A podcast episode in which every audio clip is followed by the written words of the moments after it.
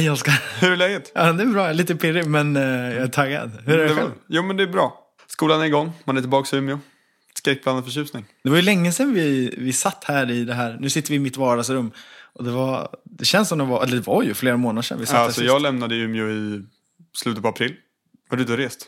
Och du har ju mest sett skog, eller? Mest skog, mest skog och eh, källarlokal i Ulriksdal. Hur känns det att vara tillbaka i Umeå då, och skola och jobb och allt annat runt om? Ja men det, det är ändå skönt. Det är vardag igen. Det behövs lite. Det har varit... Ja, det är, det är mycket annat som händer på sommaren liksom. Att komma upp nu till det här. Helt. Och sitta här och spela in Sjölivet. Ja, Det är precis. kul.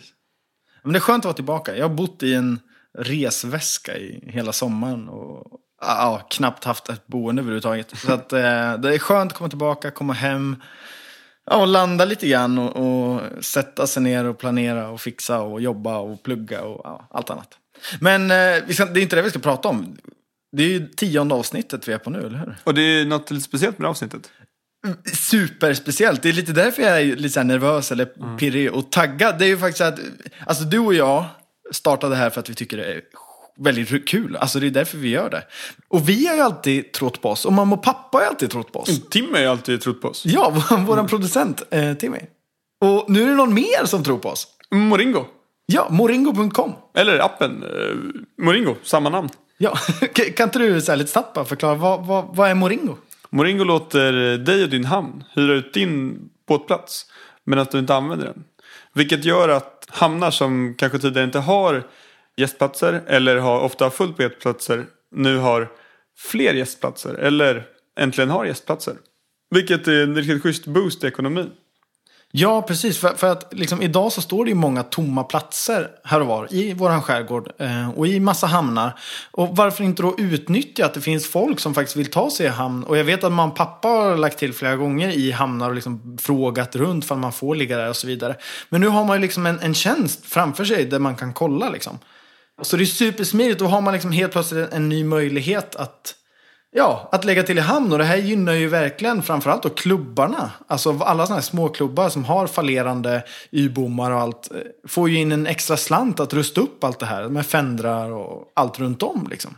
Som du säger så är det i skärgården. Men det är inte bara liksom i Stockholms skärgård, Göteborg och de här stora ställena. Utan det finns ju i hela landet. Vi har hittat, som längst upp i norr är ju Kalix. Och längst söderut är Gislöv. Eh, och sen är det hela vägen, och det ligger längst söderut alltså, det är typ längst, längst ner. Vid Trelleborg, Ja, ännu längre ner. Där. Och sen är det upp på västkusten då. Så finns det hela vägen upp egentligen till, ja, till Oslo. Ja, det finns väl i hela Oslofjorden? Eller fjärden, Ja, eller vad det heter. Ja. Men det finns ju till och med på Färöarna. Färöarna. Ja. Och så finns det, de ska lansera i Australien. Och Alltså det finns verkligen precis överallt. Lite USA har jag sett någon plats också. Och det är superschysst eftersom du går in och bokar via appen. Och eh, då har du gjort så att du har anmält hur stor båt du har. Och eller hur stor eh, båtplats du har möjlighet att hyra ut. Vilket att det på en gång blir en match. Du, du ser bara de eh, hamnarna som passar dig. Vilket gör att du inte behöver oroa dig för att du ska få plats i hamn. Utan det är lugnt. Du kommer dit, du har bokat i förväg, betalning, allt är skött. Ja, och det är det som är så skönt också då för de här mindre hamnarna. Alltså det här funkar ju även för stora gästhamnar till exempel. Men även de mindre hamnarna behöver ju inte ens ha personal för att det här ska funka. Du behöver inte ha någon på plats, utan appen sköter ju allt det här. Så att det, det är en väldigt liksom enkel inkomst för hamnarna. Men sen är det ju även liksom, allt det här gör ju väldigt mycket för oss, tänker jag, som är ute på sjön. Ja, verkligen. Och det är ju det här jag, ser framför mig. För att många idag, framförallt runt storstäderna, Göteborg, Stockholm, så är ju gästhamnarna väldigt fulla. Och många går in i hamn redan vid två och tre på eftermiddagen för att ens få plats för natten. Och då har man ju missat hela dagen. Då har man ju missat alltihop, i, i min mening. Det är inte, jag vill ju kanske gå i land vid sju, åtta eller liksom, kanske ännu senare. Ja, vissa dagar. Och då kan man helt plötsligt ta sig in i en liten, liten hamn som man kanske aldrig annars skulle besökt. Det kanske finns en, en bastu till och med, vem vet vad. Ja, dusch, el, kanske till och med finns wifi. Alltså, Slänga skräp. ja, alltså allt du kanske behöver då när du ska i land eller för att vara i land. Eller ja, du går väl in av en anledning antagligen istället för att ligga i en gästhamn. Och varför inte utnyttja allt all, allt det här? Jag vet inte. Det var lite därför vi ville göra ett samarbete med Moringo. För att de kämpar ju någonstans för att göra det lättare för oss sjöfolk. Liksom. Ja, för att alla ska ha möjlighet att komma ut. Ja, och det är det här vi gillar. Så att, eh, Ja, stort eh, tack till Moringo. Tack Moringo.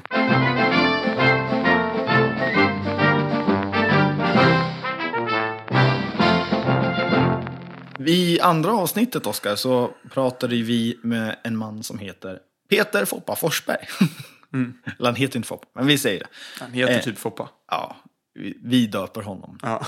Nej men och i andra avsnittet pratade vi med honom och nu är det ju faktiskt så här att i senaste veckorna här nu har det varit en härlig snackis om honom. För det är så här att han är delägare, jag tror han har största andel till och med, fast jag vet inte.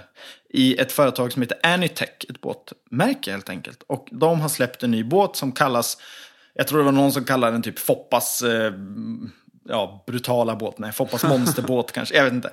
Och det är alltså en stor eh, aluminium om jag inte eh, misstar mig. Eh, ja, motorbåt. Och det är fyra stycken 400 hästare på den. ja, det är ett as. Den heter Anatech 1221. Den är 12 meter lång och Foppa hade nummer 21. Därav 1221. Och han lanserar den här som en eh, familjebåt. Men det är alltså en 12 meter lång styrpulpeter på steroider. som gör 70 knop med en och en halv kubikmeter tank. Och jag tror man, eh, den skulle dra i full fart, typ 600 liter timmen. Så man kommer nästan 140 distans på, eh, i full fart. Så det är ju den perfekta familjebåten. Och det fanns toalett ombord, bra stuv, stor säker vindruta. Utan att veta så tänker mig att det är 1600 hästar på den här. Det är ett monster. Eh, Den drar mycket. Men den kan heller inte, den är dyr i drift, men den kanske inte är så gratis att köpa heller. Nej, vad var det? 6,8 miljoner tror jag den börjar på. Va? Sen kan det nog, eh, det finns nog möjligheter att utrusta en hel del. Ja, det är ju inte en, en gratis familjebåt, men jag kan tänka mig att det är en fruktansvärt rolig familjebåt. Ja, för jag bara prata om det att eh, han tycker ändå att det finns ett segment för den här båten och att Anatech har varit ganska duktiga på att leda fram aluminiumbåtsmarknaden och de ser att många har följt efter dem. Så de tycker det är ett naturligt steg framåt i deras linje av båtar. Och alltså, har du råd med en fine köp? Det är ju en asfet båt. Jag tror de höll på nu och, och testa in den nu och de hade någon snubbe som skulle kolla hur, ja, med mo- motorvinklar och eh, propellrarna. När vi har kört den till, de till, till mässan i Gustavsberg tror jag att det var. Allt på sjön. Ja, allt på sjön, precis. Då så visade efter de kört dit så hade de kört med ena motorn avstängd men inte ens märkt det. Det är ändå rätt fett. Ja, det, det är så mycket. Då hade de ju snittat eh, rätt hög fart. Ja, de hade väl legat och tryckt på ändå. Ja, häftigt. Eh, så det var första nyheten. En, en ny häftig båt av Peter Forsberg, alltså. Anytech 1221 heter den. Så det kan vara, kan vara kul att ta reda eller Vi kommer lägga upp som vanligt lite bilder och videos kanske till och med och lite länkar. Så kolla in på jourlivet.se.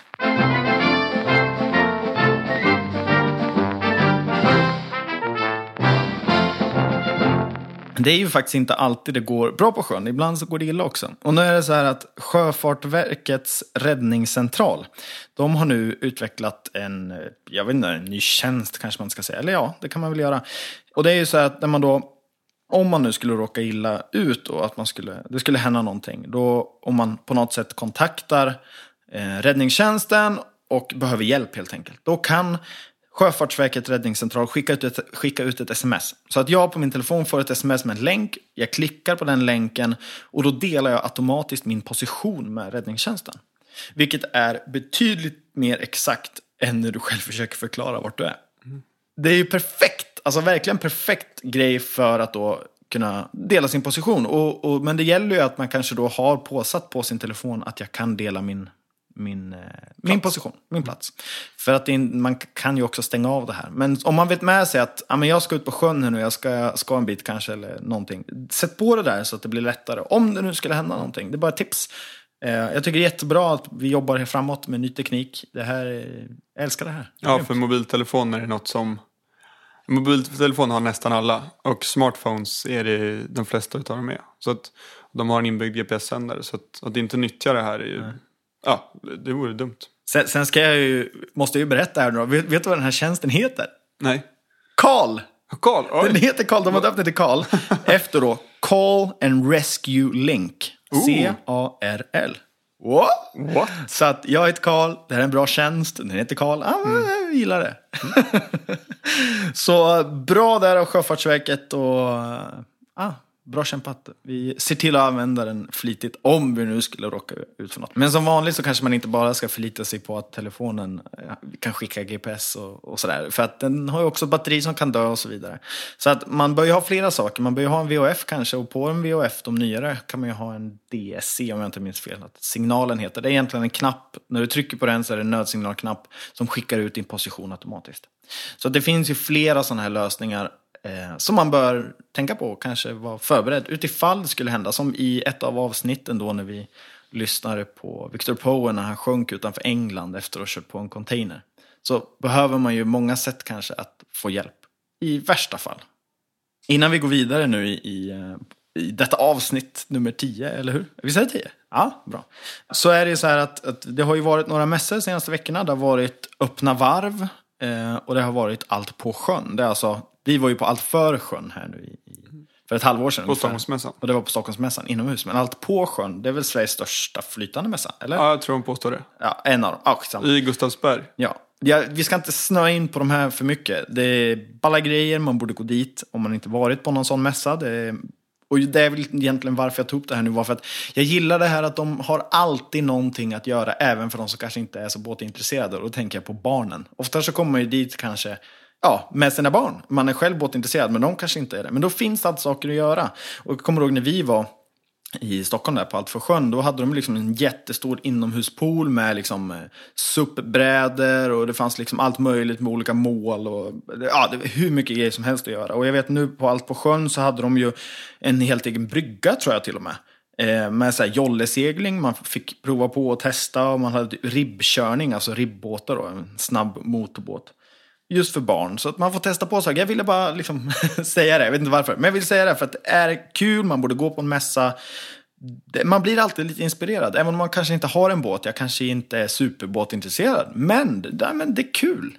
Det är häftigt. Precis, för det roliga, alltså den stora massan av folk tycker kanske inte att det är superkoll, eller superskoj att gå och kolla de här nya däckslayouterna på segelbåtarna eller motorbåtarna som har någon ny smart pentrylösning. Alltså det är inte så jävla rock'n'roll egentligen.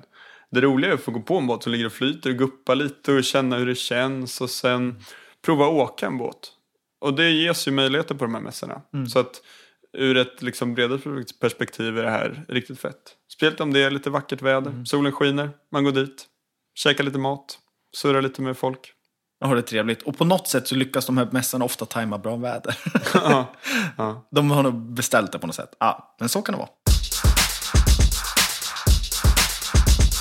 För någon vecka sedan här nu så fick jag äran att göra en väldigt häftig intervju med en av mina, jag skulle nästan vilja säga idoler. Man har känt till hans namn under många, många år. Man har liksom på något sätt, jag vet inte, drömt om det här.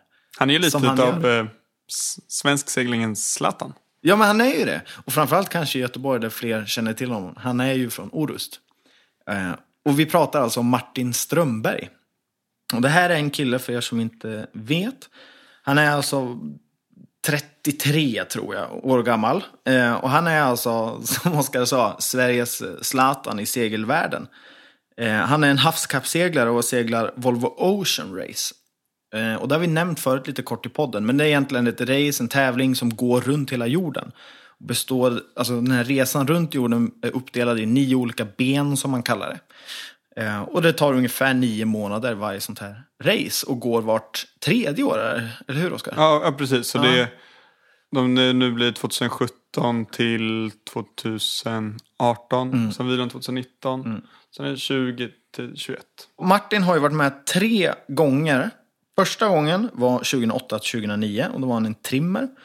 Jag kommer inte ihåg vilket lag han körde för. Ericsson-båtarna var Ericsson, Han var ju på nordiska satsningen där som mm. var riktigt kul. Som på slutet så hade de ju eh, Mange Olsson som skipper som är en ja, sjuk legend inom svensk segling. Som eh, tyvärr tagit sig bort under eh, på Lanzarote under träningsläger med SCA i en hjärtattack. Men han ska man verkligen kolla upp. Andra gången Martin var med, det var 2011 till 2012. Och då var han alltså med ett franskt lag som heter Groupama. Och de vann. Så han har ju också till och med vunnit Volvo Ocean Race, vilket är fruktansvärt coolt. Och sen så var han med senast här nu 2014-15 och då seglade han för ett kinesiskt lag som heter Dongfeng Race Team. Och då slutade de trea om jag inte minns fel, eller hur?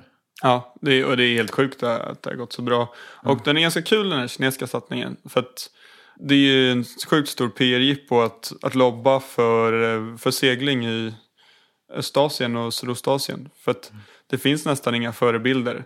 Utan det är egentligen det är liksom, det nordiska, amerikanska euro- europeiska seglare som finns. Och det är samma som eh, Abu Dhabi-gänget som, som lobbar för segling och ser till så att det får synas i, i Västasien och Förenade Arabemiraten. Men det här är alltså extremt häftigt race. Jag vet, det finns en app till och med som jag spelade när det var. Och att man då kan tävla mot dem. Alltså man kan ha en egen båt i appen och tävla mot dem, de som racear. Och det är, det är häftigt som fasen. Eh, men i alla fall, strunt i det. Martin Strömberg, jag fick äran att prata med honom. Och vi ska, han, han berättar en hel, härlig massa saker. Både om sig själv och om segling. Och du vet, han har varit med om så häftiga saker. Han har liksom seglat på två valar. Eller en val åt gången då, men två gånger. han har liksom haft mastbrott, han har liksom fått så här fyra meters sprickor i hela båten. Han har liksom varit med om det mesta man kan vara med om på sjön. Så en häftig kille och jag tycker vi lyssnar och, och, ja, på vad han har att säga. Martin Strömberg.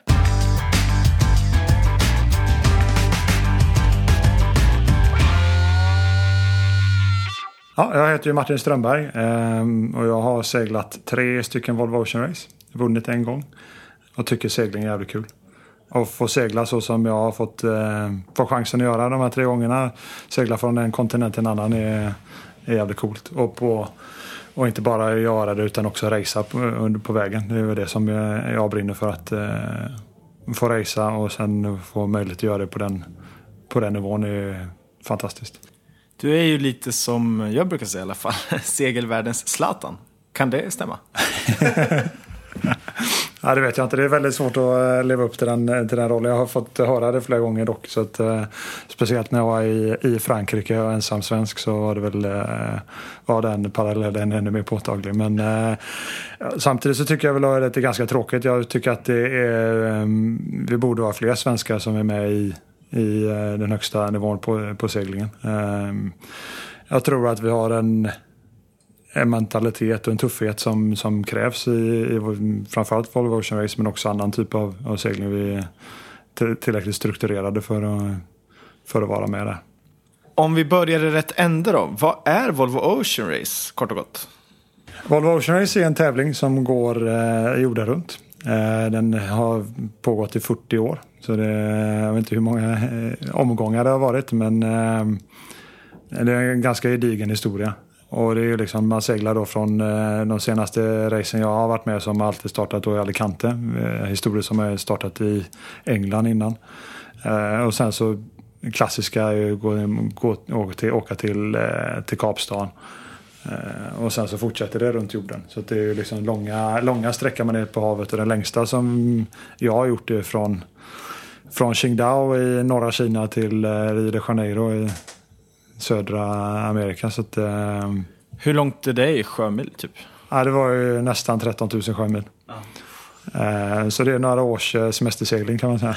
Eh, Och det tog oss då 40, 40 dygn. Så att, eh, ja, det är lite monster, monstergrejer. Eh, Sen så finns det ju de som seglar själva runt jorden eh, också så att eh, det är ännu värre. Det är nästa steg. Men hur hittar man, eller om man ens gör det, något, något lugn eller ro eller vad säger man, sin egen tid? Hittar man det på, en, på ett sånt här race? Ja, egen tid är väldigt svårt att få tag i. Jag gillar ju egen tid så jag saknar ju det ganska mycket. Och det är ju någonting som man, man- för den kvoten får man ju fylla på när man, när man kommer i land. Så där, då blir man ju ganska eh, osocial. Man, eh, man gör sin egen grej ett par dagar och så eh, tills, tills man kommer tillbaka till teamet och gör sin, eh, går igenom vad som hände och vad som ska hända i framtiden och eh, ja, jobbar med båten för att få den redo till nästa etapp och så vidare. Och det här racet pågår ju i nio månader ungefär, eller? Ja, precis. Och hur funkar det då med familj? Har du familj? En flickvän och två hundar. Så att, eh, Och hur, hur, ni ses inte så ofta då? Eller följer hon med och möter er vid varje målgång då? Eller? ja, hon har ju kunnat komma till de flesta stoppen. Eh, och sen så har jag åkt hem någon gång också emellan. Så, att, eh, så det är lite antingen eller. hundarna får jag inte se på, på väldigt länge. Och varje stopp då, hur länge är man i land? Eh, ja, det är lite olika. eh, Och det har ju också blivit mindre och mindre. Nu senast var det kanske två veckor eh, som man var i land. Eh, och då är man ledig fem dagar ungefär och sen så börjar jobbet på nytt liksom med att göra ordning båten och, och jag sa innan prata ihop, prata upp sig om det som hände och det som kommer hända. Så att, eh, och sen förbereda båten, förbereda maten, förbereda... eh, Ja, det är många pusselbitar som ska, som ska falla på plats. Och sen ska man sköta sitt vanliga liv också vid sidan av betala räkningar och så vidare. Svårare. Det förstår jag. Jaha. Jag fick också lite information här att du någon gång ska ha, det kan vara ett rykte, fått en fisk i ögat. Eller om det var bara i ansiktet. Ja, just det. Ja, ja det har nog hänt ehm, ja, minst en gång, kanske hänt två gånger. Men jag hade ett blåmärke precis eh, på vid näsan så att ehm, Var den liten? Stor? eh, jag tror det var lite mellan, mellanstor. Det var väl en 25 centimeter något kanske. Eh, Men det händer ju rätt ofta och det, det värsta är väl kanske inte smällen utan det värsta är ju eh, lukten av de här fiskarna när de, när de väl har gjort sitt eh, ned- nedstamp och eh, träffar man på dem, de är på kläderna så luktar ju det i två veckor sedan. Så att, eh, det är väl det som är det värsta. Eh, Och de gör, ju- de gör ju sina intåg i skymningen så att eh, man vet ju inte, man har väldigt svårt att upptäcka när de kommer flygande. Och den, den här frågan ledde mig in till två andra frågor egentligen. Ser man några andra djur? Man ser ju ganska mycket djurliv måste man säga i havet. Eh, och det är jättekul. Det är, samtidigt är det ju, för oss är det ju lite av en fara. Eh, om man då tänker på valar och, eh, och större, större djur i vattnet så är det ju en, eh, en risk för, för oss och båten att, eh, att, eh, att stöta på dem. Så att vi, eh, vi har till exempel över Atlanten om två första racen jag gjorde så seglade vi in i valar båda gångerna. Eh, och det blir ju första gången blir det ganska stora ska- skador på båten. Så det, man, man, är ju orolig för, för både för sig och för valen egentligen. Så man vill ju försöka undvika dem så, så, så, gott, så gott det går. Egentligen hoppas jag att man kan hitta någonting som man kan skrämma bort dem lite innan man kommer. Men är det, där- följer de med båten då? Eller vad är oddsen tänker jag att man ska segla på en val mitt på Atlanten? Eh, ja, men vissa valar, mindre valar, de följer ju ofta gärna med båten. Eh, delfiner är ju ingen val, men det, eh, mindre valar kan man se följa med. Och, och, men de stora valarna är väl det som är det, det jobbiga. De kan ju ligga och sova eller ligga på ytan. Eh, och det gäller liksom att få liv i dem innan man, innan man kommer fram till dem. Vi kommer väl ganska förhållandevis tyst i vissa, vissa situationer. Så att, eh, Häftigt. Ja, ja det är häftigt. Jättehäftiga djur, det måste jag säga. Men eh, samtidigt så vill man ju eh, undvika dem. Det förstår. Eh, och sen, du- jag tänkte på, också på det här med... Jag bara relaterar ju som sagt när, när jag seglar Atlanten, även om det är bara en bråkdel av vad du gör. Ja. Det blir ju alltså salt i kläder, det blir klibbigt. Ja. Eh, och du lever ju så här under längre perioder. ja. Hur funkar det liksom med levnadssituationen med, med dricksvattnen? Kör ni watermaker där?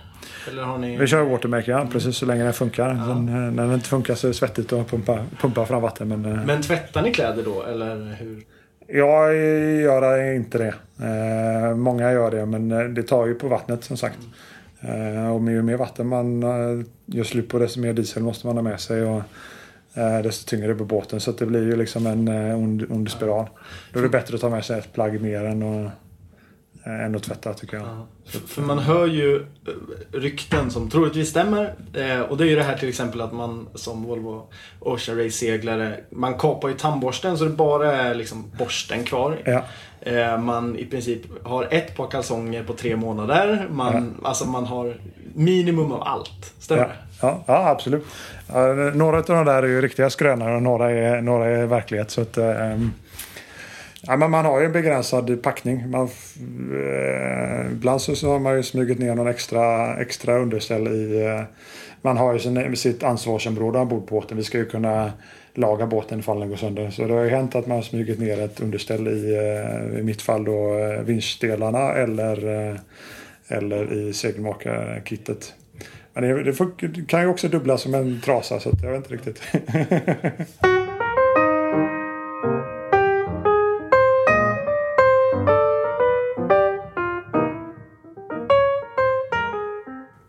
Har du eh, någon gång varit eh, rädd för döden?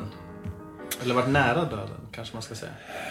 Eh, antagligen fler gånger än vad jag vet. Ehm, jag, jag, jag, det finns ju många gånger som man har varit rädd ombord. Eh, så vet jag inte riktigt. Jag har nog aldrig lyckats. Eller jag har nog varit dum nog att inte vara rädd för mitt eget liv utan vara rädd för eh, oss som helhet på båten till exempel. Eh, vi sitter ju alla i samma båt eh, i, i de otäcka lägena.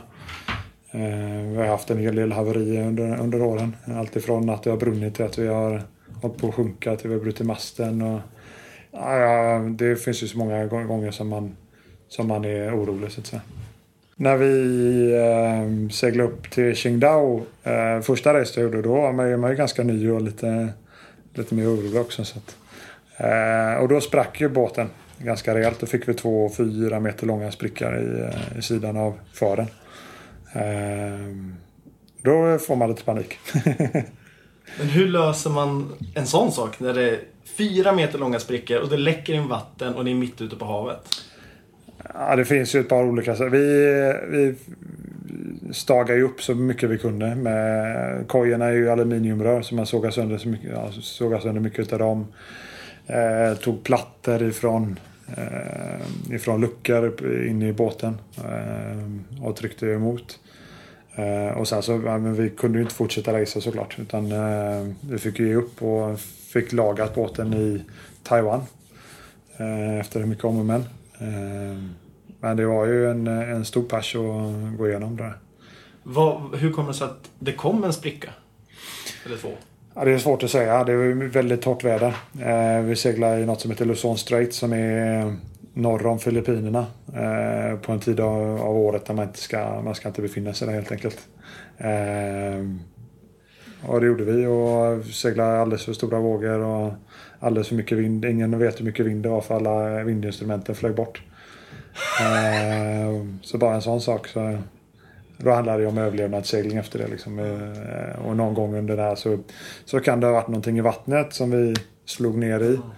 Eh, som gjorde att det började bli en spricka och sen så har det jobbat sig större och större när, när vi jobbar i vågorna. Men det är, det är en liten, liten pers att gå igenom. Men vad är de största vågorna du har upplevt? Ja, det är jättesvårt att säga. Men då sa de ju att det var 14 meter höga vågor där. Eh, sen så tror jag att det finns ställen som har varit större vågor. Men de upplevs ju... Vågorna upplevs ju olika beroende på hur långt det är mellan topparna. Mm. Eh, som man säger i södra oceanen så är det ju väldigt, väldigt långt emellan mellan varje vågtopp. Och då upplevs de, visst de är stora men de upplevs inte lika. Det är en lång backe och ja. upp och en lång backe ner. Eh, det värsta är ju korta, korta höga vågor. Då. Mm. Ja, det räcker att det är bara två meter och de är kort emellan och så, så smäller det rejält. Vad gör man när det är vindstilla då? Jag förstår att då försöker man kanske optimera för man vill ju på något sätt ta sig framåt. Men passar man på och ja, för oss, lite? Eller Ja, för oss kappseglare så är det, näst, så är det, det värsta vädret egentligen. Eh, och speciellt då om man inte ser de andra båtarna, vilket man ofta inte gör. Eh, då vet man ju inte hur... Man vet att man själv ligger helt stilla. Och man vet inte hur en båt som ligger 20 sjömil bort, vad den gör 0, 5, 10, 20 knop. Och det får ni inte se via någon AIS? Nej, det får vi inte se förrän det är sex timmar mellan uppdateringarna. Ah. Så det tar, ju, tar lite tid innan den informationen kommer. Och det är ju jättefrustrerande såklart. Så det är ju kanske den värsta väderförhållanden för oss. Då kan, man, då kan man leva med de här ja, 14 meter höga vågorna och, ingen, eh, och inga vindinstrument eh, så länge man rör sig framåt. du badar inte när det är vindstilla? Nej, egentligen så man försöker hela tiden komma framåt. Eh, och det händer ju att man badar. Man, vi har ju en swimmer of the watch som, som är redo att hoppa i vattnet. Ja, det händer ju rätt ofta att det fastnar grejer under båten och man får ju ta loss någonting från ifrån köl och roder och så vidare. Så, att, eh, så att det, man, visst, man badar, man badar inte för, att, för nöjes skull Nej. utan för... Eh, Kolla under båten? Ja, precis. För att segla fortare. och vill man se det här så är ju ett varmt tips, i alla fall från min sida, det här med Life at the Extreme på YouTube. Ja. Är ju, det är ju väldigt intressant att titta på, måste jag erkänna. Är det så? Ja, det är extremt kul. Så det kan vi tipsa lyssnarna om. Ja, förutom ni som vill segla Volvo Race så kanske inte... Det kanske ska ha kort minne så kan man... Det ser jävligt coolt ut men det är... När man väl har varit där och vet vad det innebär så, äh, Och, och, så är det lite tuffare. ja, för det är ju så många av riktiga alltså proffsseglare då som Arvid här till exempel och andra människor som jag har frågat om de liksom vill köra Volvo Ocean Race. Så säger ja, ja. Och det, man märker ju till och med på att de, att de nästan är lite rädda för det för att det är så extremt liksom. Det är inte vanlig segling utan det är Nej, det är ju tufft på många sätt men det är, det är, det är ett äventyr i sig. Uh, nu blir ju säkerheten kanske lite högre i och med att vi är så nära varandra. För i eh, många delar av världen så är, så är det ju viktigt att, att vi är ett flyt och att vi, för vi är varandras närmsta eh, resurs på, på hjälp och säkerhet ifall någonting skulle hända. Så, att, eh, så på sätt och vis kanske, kanske det blir säkrare på det sättet också men, men det är ju inte att underskatta. Moder Natur kan ju kasta ganska, ganska svåra bollar på en. Sen är det en, en till fråga egentligen. Man har ju hört mycket historier om sjörövare och folk som har blivit tagna. Är det någonting ni tänker på, tar i beaktning när ni lägger rutt? Eller hur, hur, hur, funkar det med sånt? Pirater och sjörövare? Eller vad, vad heter det? Pirat? Vad säger man? Pirater bara? Ja, pirater. Ja, precis. Ja, de, de finns ju i allra högsta grad. Så är det ju. Och, eh, sen får man ju säga att Volvo, Volvo har ju, håller oss borta från pirater och håller oss borta från isberg i den, i den mån det går. Eh, sen vet vi att, eh, och de, det är de värsta områdena vi får hålla oss undan från. Nu har ju de har fått, fått bukt mycket på piratfrågan. Men det finns ju eh, finns områden i världen där man kanske inte är pirat på det sättet men man tar eh, man är opportunistisk i, det, i sitt piratletande så att säga. Eh, och det är ju de områden man kanske är lite extra orolig när man ser att en, en båt vänder om för att för att komma närmare en och sådär. Det är då man börjar bli lite orolig. Eh, så det har hänt att vi har släckt lanternerna och så vidare eh, på vissa ställen för att, för att liksom smyga undan lite. Jag blir lite stum här. Men okej, okay. Eh, vad, är, vad är det häftigaste du har varit med om? Det häftigaste jag har varit med om? Jag har varit med om två gånger. Jag har varit med om en mm, Ja, det är så många grejer man har häftigt. Men jag, en grej som är väldigt ovanlig tror jag. Är ju en regnbåge på natten. det är jävligt coolt. Men det är ju mer en naturfenomen. Men det är jävligt mäktigt när man, när man ser det. Men blir det av månsken då? Eller ja, hur? precis. Ja. Det måste vara jättestark måne och så blir det en regnbåge utav, utav månskenet. Så det är riktigt coolt. Man, man får vara med med mycket, mycket fina naturupplevelser. Finns det bild på det här? Ja, det är det som är svårt. De, ja. de fräckaste grejerna är jättesvåra och, och det är samma med mareld. Ja, vissa vissa delar av världen så är det ju fantastisk mareld och du kan se fiskstimmen simma, simma med båten och då kan du se den stora fisken komma och jaga dem och så är plötsligt alla borta. Alltså, det blir ett skådespel i sig. Ja. Eh, då kan man ju bli lite förtrollad i, i att bara sitta när man är klar med vakten och sitta och kolla på, kolla på det. Det är kul för vi pratade faktiskt om det i förra avsnittet. Just det här med mareld. Att det, det är no, nästan någonting man måste uppleva någon gång i livet. Ja. Det är väldigt vackert. Ja, jag tror det enda som, det enda som man ser ju det kanske bäst då på tecknad film kanske. Det, man har sett eh, mareldar och lite hur det magiskt det kan vara. Eh, jag tror inte man har lyckats göra kameror som kan, som kan fånga eh, magiken i, eh, i marelden och spelet som ut, ut, mm. utförs.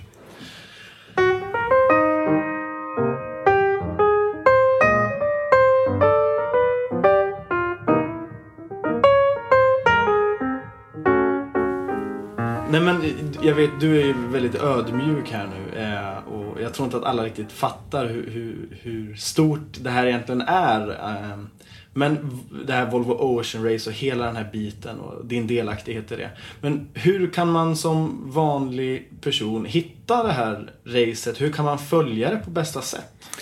Jag tror att du var inne på en ganska bra kanal där med Life at Extreme. Eh, Youtube-kanalen. Eh, och sen så volvooceanrace.com såklart. Eh, just nu så händer det ju inte jättemycket utan det kommer ju om, om ett halvår, ett år så börjar ju uppladdningen ordentligt på de eh, sajterna mer officiellt. Nu finns det ju många som jobbar i bakgrunden för att, för att få till båtar och få till team för, för nästa race. Eh, men sen under, under eh, själva racet så är det ju att följa på, eh, på den här tracken. Det är väl kanske framförallt eh, och om man seglar sin egen båt eh, virtuellt eh, emot eh, de riktiga båtarna så är det väl det man, det man tar sig för tror jag. Eh, och det blir ju lite som en eh, Knut Frostra, alltså den gamla VDn på Volvo Ocean Race, han, eh, han, han kände sig själv lite som en eh, knarklangare för han, eh, han tipsade om den här appen och sen så blev alla hooked på den här appen och måste, måste kolla då var, var sjätte timme hela tiden. så att eh, det blir ju jag tror börjar man följa, följa segling så blir, är det väldigt intressant. Mm. Och sen så min tjusning med racet eller med, med segling överhuvudtaget är ju att det är så, så brett. Eh, om jag håller på resten av mitt liv med segling så kommer jag inte lära mig allting jag kan lära mig inom seglingen. Utan jag kommer eh, alltid kunna lära mig någonting varje dag jag går ut och seglar. Eh, och det är ju mitt mål liksom varje dag lära sig någonting nytt. Vad den jag, vad den jag tar mig för att segla egentligen. Så, så jag en tråkig dag på jobbet om jag inte lärt mig något nytt. Om vi lämnar Volvo Ocean Race för en sekund då. Hur, hur ser en semesterdag ut? Tillbringar du den på sjön eller är du med helst hemma då? Eller har du någon annan båt du hellre... Nej, i så fall som jag, jag gillar ju att vara på vattnet. Så att, eh, men semesterseglingen blir det ju ganska dåligt med, får jag säga. Eh, då är jag hellre ute och fiskar eller någonting annat, på, men gärna på vattnet. Har du någon plats, någon sån guldkorn du, du vågar dela med dig av till Nej, jag vågar inte dela med mig av någon sån specifik plats. Men eh, Bohuslän är ju väldigt fint på, eh, på sommaren. Så att, eh, jag förstår ju inte de som åker iväg eh, på sommarmånaden när de åker iväg till Grekland och sånt. Det förstår jag inte riktigt. Utan, eh, för mig är Bohuslän fantastiskt på sommaren även om man får ta vädret så, som det är. Det är bra ena dagen och eh, på kvällen så är det dåligt. Så att, eh, man får lite, man får ta det som det är men det är fantastiskt. Men tack så mycket. Tack så jättemycket.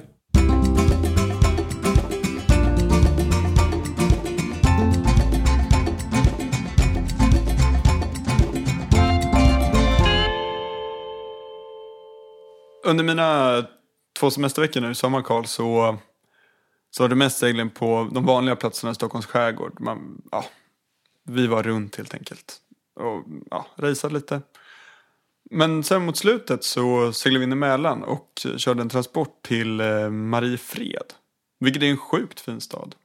Jag har tyvärr inte spenderat så mycket tid där men det, det ligger väldigt fint i Ja, väldigt, väldigt skyddat Mälaren i en vik som är sydväst. Kanske i höjd med Södertälje. Rakt inåt landet. Och det är jäkligt läckert. Men nu ska jag få banne mig kolla.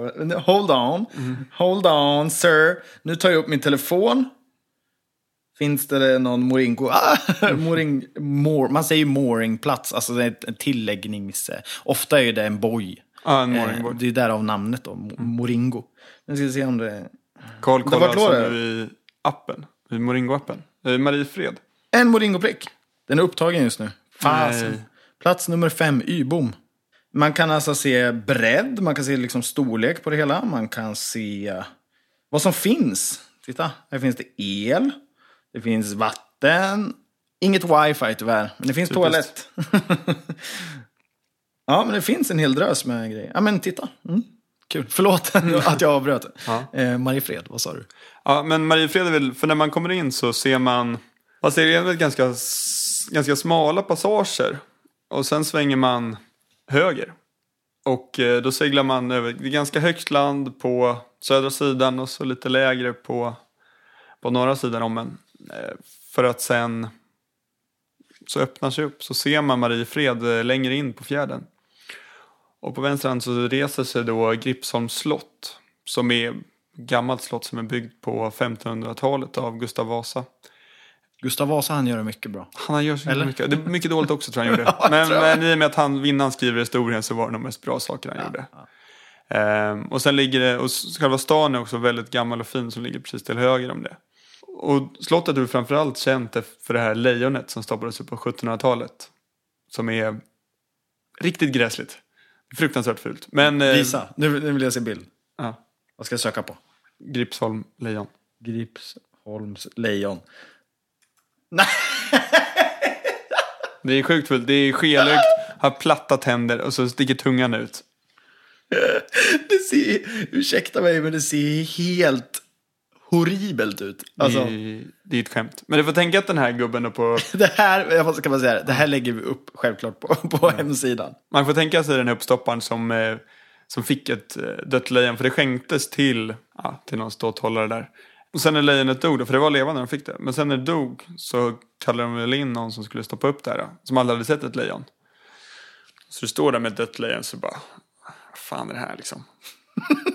typ bara sett lejon på vapensköldar. Så tydligen, i, om man ser från sidan i profil så ska det se ganska bra ut. Men det är just ansiktet som vart det sådär. Sådär, det här, det, här, det, det, det här är ju långt ifrån sådär. Ja. Det här är ju tvååriga Signe skulle kunna göra det här dubbelt så bra. Ja, Nu vet jag inte vem det är, men ja. Mariefred finns också Sveriges äldsta värdshus som grundades eh, 1909. Men också första lördagen i juni varje år så hålls ångans dag.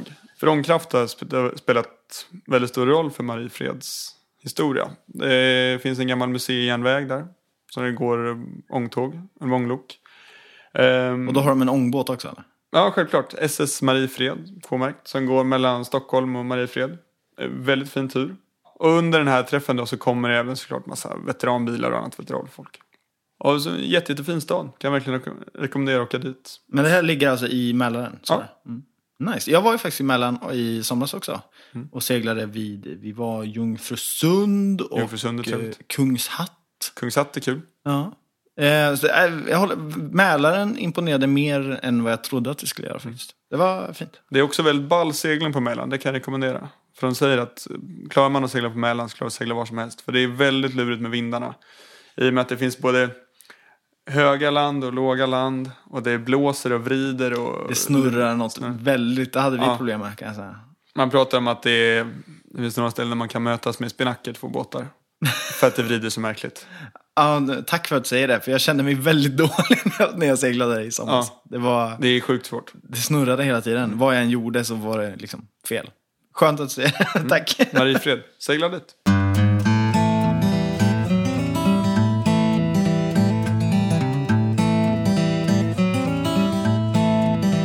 Ja, men eh, en av de tråkiga sakerna Carl med att, att ha åkt upp hit till Umeå, det är ju att båtsäsongen är slut. I alla fall för min del. Och jag tror för, för många andras del också.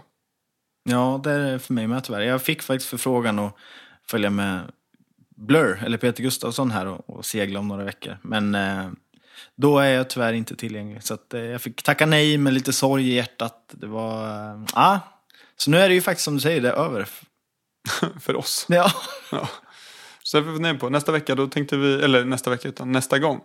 Då tänkte vi prata om lite just om upptagning, vad man ska tänka på. Um, om man, hur man ska konservera motorer, tänka på med riggen, med segel, med kapell, täckställning, planering. Och allt annat som, som rör den här delen av säsongen. För det är också en väldigt trevlig del. Eller man, man måste bestämma sig för att det här också är en trevlig del. För annars blir det inget kul. Ja, man, man kan ju faktiskt göra det väldigt jobbigt för sig eller väldigt lätt och kul för sig. Och det, det är ju bara man själv som kan bestämma det. Mm. Om, och om man lägger ner lite jobb nu så kan man spara mycket jobb på, eh, på vårkanten. Men det här pratar vi om i nästa avsnitt. Och som vanligt så lägger vi upp på vår hemsida en lite så här blogginlägg kan vi nästan kalla det. Med, eh, med liksom bilder, med videos, med text om det vi har pratat om. Så när man lyssnar här nu, om man sitter med tillgång till en dator så kan man faktiskt ta upp och kanske följa med här i flödet. Eller med en telefon om man vill göra det.